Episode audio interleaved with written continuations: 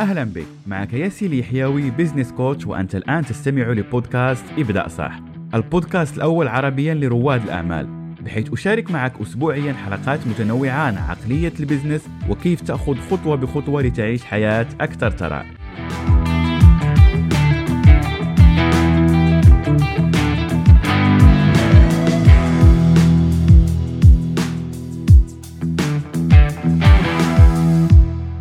تبيع أي شيء لأي شخص. لو كنت مدرب ولا عندك مشروعك الخاص فمهم جدا أنك تتابع هذه الحلقة لأني سأشارك معك كيف تزيد من مبيعاتك وتقنع الأشخاص على أنهم يشتروا خدماتك ولا منتجاتك. أحد الشركات في الصين قرروا على أنهم يوظفوا مندوبي مبيعات فكان عندهم ثلاث أشخاص تقدموا لهذه الوظيفة والمدير هم في هذه الحالة طلب منهم طلب جد جد غريب. قال لهم أريد منكم أنكم تبيعوا لي مشط للرهبان والرهبان معروفين على أنهم أشخاص ما عندهمش شعر يعني أشخاص صلع فتعجبوا كيف ممكن أن نبيع هذا المشط لهذا الأشخاص. فقال لهم الشخص اللي سيبيع أكبر عدد من هذا المنتج اللي هو المشط سوف يحصل على الوظيفة. فهيا وروني إبداعاتكم. فذهبوا هاد الأشخاص وبعد مدة لما رجعوا الشخص الأول كان باع منتج وحيد. فيحكي على أنه لما ذهب عند أحد الرهبان وقال له على أني أريد أن أبيعك مشط فهذا الراهب قام يعني بالنرفزه وتعصب عليه كيف هل أنت تتهكم علي وكيف تريد مني أن أشتري منك هذا وأن ليس لدي شعر. فهذا مندوب المبيعات شعر على أنه محبط وعلى أنه فشل في هذه التجربة وعاد يعني للشركة. وفي طريق عودته وجد أحد الرهبان يعني صغير في السن بنفس الطريقة ليس عنده شعر فأقنعه بما أنه يعني طفل صغير أقنعه على أن هذا المنتج سيفيده واستطاع على أنه يبيع له هذا المنتج.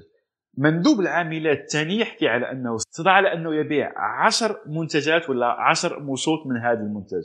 كيف قام بهذا؟ يحكي على أنه ذهب لأحد الرهبان وقال له على أنه الأشخاص لما يأتوا لكي يصلوا في هذا المعبد فشعرهم يعني يتلخبط في الطريق. فبهذه الطريقة أقنعوا على أنه يشتري من عنده هذا المشوط لكي يقدمها هذا العابد ولا هذا الراهب عفوا للأشخاص الذين يأتون للصلاة. لكن الشخص الثالث كان جد مبدع بحيث على أنه استطاع على أنه يبيع ألف منتج من هذا الموجود كيف كيف قام بهذا الإنجاز؟ خليني أشرح لك كيف. هذا الشخص قام أخذ هذا المنتج وقام بتخصيصه قام بكتابة بعض العبارات الدينية عليه وبعدها ذهب أحد الرهبان وقال له هذا المنتج سوف يذكر الناس بالعبادة. هذا المنتج مفيد لهم لأنه سيذكرهم بأهمية الحضور لهذا المعبد لكي يصلوا ولكي يتقربوا لربهم أكثر. فبالتالي استطاع على انه يقنعوا بهذه الطريقة. فالملخص والعبرة من هذه القصة لو لاحظت الشخصين اللي استطاعوا على انهم يبيعوا هذا المنتج أكيد الشخص الاخير استطاع على انه ما نسميه زاوية البيع واستطاع على انه يميز هذا المنتج. ولكن هاد الشخصين اللي استطاعوا على انهم ينجحوا في هذه التجربة قاموا ببيع مشاعر وليس المنتج. فمهم جدا كصاحب مشروع أن تعرف على أنه الأشخاص يشترون بسبب مشاعرهم وليس بسبب على أنه آه هذا المنتج فيه كذا ولا هذا خلينا نأخذ مثلا هاتف ها هذا الهاتف فيه كاميرا كذا ولا هذا الهاتف فيه ميموري كذا. أغلب الأشخاص لا يهتمون بهذه الأمور. أغلب الأشخاص يشترون هاتف آيفون للمشاعر التي يحصلون عليها لما يكون عندهم هذا الآيفون. ممكن بعض الأشخاص يشتروه لكي يظهر للناس على أنه من مكانة فبالتالي يحصلون على هذا الاحترام. مشاعر. ممكن بعض الأشخاص يخافون من رؤية المجتمع. ممكن واحد الأشخاص يحسون على أنه هذا المنتج فخم فأنا بالتالي أعطي هذا الإحساس النفسي وأعطي هذا الشعور النفسي على أني أنا كذلك أستحق هذا. فبالتالي في الأول والاخير أنت تبيع مشاعر. فلو كنت شخص عندك مشروعك وتبقى يعني تدخل الاشخاص آه منتجي فيه مزايا كذا. آه منتجي سوف يعطيك كذا وكذا. هذه الأمور غالبا لا يهتم بها عميلك فهناك مقولة جد مهمة على أنه الأشخاص يشترون بسبب المشاعر ويبررون بالعقل. هذه ال benefits ولا المزايا التي تقولها لعملائك والتي تكتبها في صفحة البيع هي مزايا سوف تساعدهم على أنهم يبررون هذه عملية الشراء بعد ما يشتروا.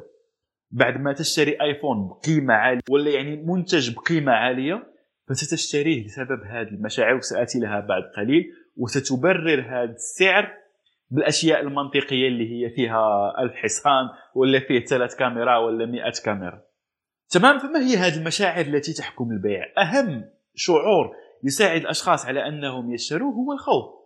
الخوف من فقدان شيء الخوف على الصحة الخوف على الأبناء الخوف من فشل مشروع الخوف من أي شيء يخاف منه الشخص فهو يساعد على أنه يشتري هذا المنتج ولا هذه الخدمة منك.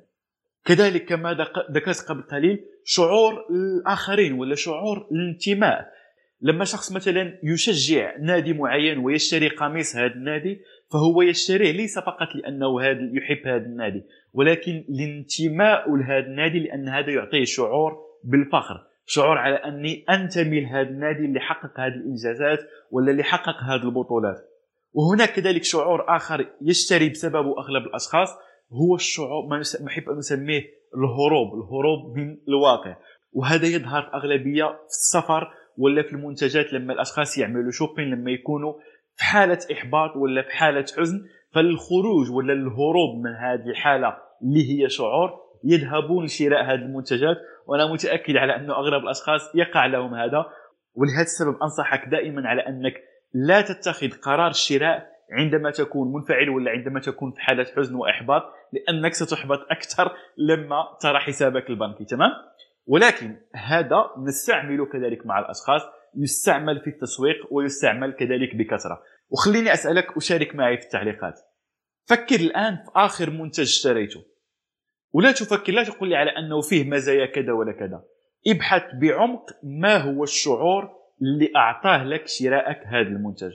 لو كان هذا المنتج سيارة هاتف عطر آه، منزل سفر ما هو الشعور اللي حصلت عليه بشرائك هذا المنتج؟ ولا كذلك لو كانت خدمة.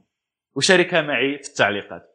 ثاني نقطة لكي تبيع أي شيء لأي شخص يجب أن تعرف على أن ما يحرك الأشخاص هناك غالبا أمرين. هناك الألم والأمل هناك الألم والطموح في الوصول لشيء ما نسميه ال pain وال pleasure فأغلب الأشخاص يا إما يريدون أنهم يبتعدوا من شيء يا إما يريدون أن يقتربوا من شيء. فخليني أسألك في خدمتك ولا في منتجك؟ ما هو الألم الذي تقوم بإبعاد عميلك عنه؟ ما هو ال pleasure ولا الأمل الذي تعطيه لعميلك؟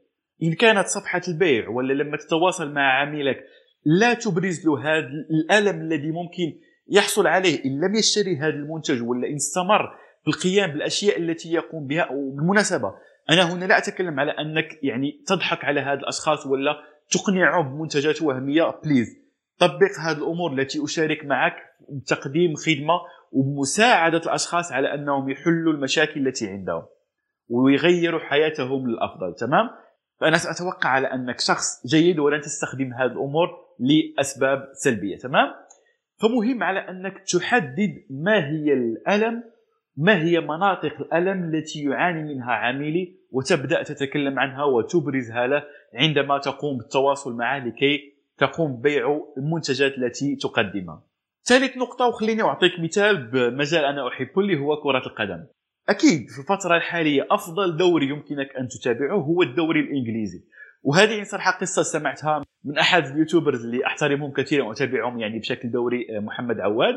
وتكلم عن هذا الموضوع على أنه الإنجليز نجحوا في تسويق دوريهم بطريقة مميزة. ما هي هذه الطريقة؟ عن طريق stories عن طريق القصص بحيث يربطون كل مباراة كل فترة يربطونها بقصة ملهمة. هناك عندهم العديد من القصص التي يروجون لها في وسائل التواصل في الصحافة وحتى نحن يعني كمشجعين اصبح تتابع لما تتابع مباراة كرة قدم وتشوف يعني في وسائل التواصل ولا كذلك يحكي عنها المعلق تبدأ تترسخ في أذهانك هذا ستوري ولا هذه القصة لأنه إحنا كأشخاص نحب القصص. تذكر لما كنا يعني صغار أغلب الأشخاص تحب على أنه نجلس يعني قرب الجدة ولا الجد ويحكي لك قصص ممكن بالماضي ولا قصص وهمية ونكون شغوفين بسماع هذه القصة. وحتى لما كنت يعني أدرس فلما يكون يعني المدرس يحكي لنا آه، أشياء ممكن ممكن practical ولا يعني معادلات وتطبيقات ف okay يعني تكون يأتيك النعاس. لكن بمجرد ما يحول هذا الحديث لقصة ولو كنت يعني تحدث معك نفس الأمر فاتركها لي في التعليقات مجرد ما يحكي في هذه القصة تحس بنفسك على أنك wow منتبه وبدأ التركيز oh okay قل لي بعد قل لي ماذا بعد ماذا بعد؟ لأننا أشخاص نحب القصص.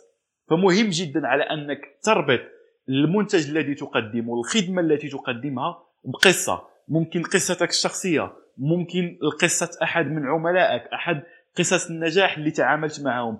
أي منتج تقدمه ممكن تحول ولا خليني أقول تبروزه من داخل قصة تحكيها وتقوم بالإشارة لهذا المنتج الذي قدمته. خليني أدعوك لو كنت مدرب ريادي أعمال ولا صاحب مشروع سواء كان صغير ولا متوسط فخليني أدعوك أنك تحصل على كتابي بشكل مجاني كتاب احترف لعبة البيزنس الذي أشرح لك فيه. خطوة بخطوة كيف يمكن أن تحقق ستة أرقام إلى سبعة أرقام من مشروعك الشخصي. يمكنك أن تحمله وتستجد رابطه مرافق لهذه الحلقة. وفي نهاية هذه الحلقة يهمني جدا أني أسمع رأيك واراك في الحلقة المقبلة ولا تنسى قاعدة الذهبية. ابدأ صح تنجح صح.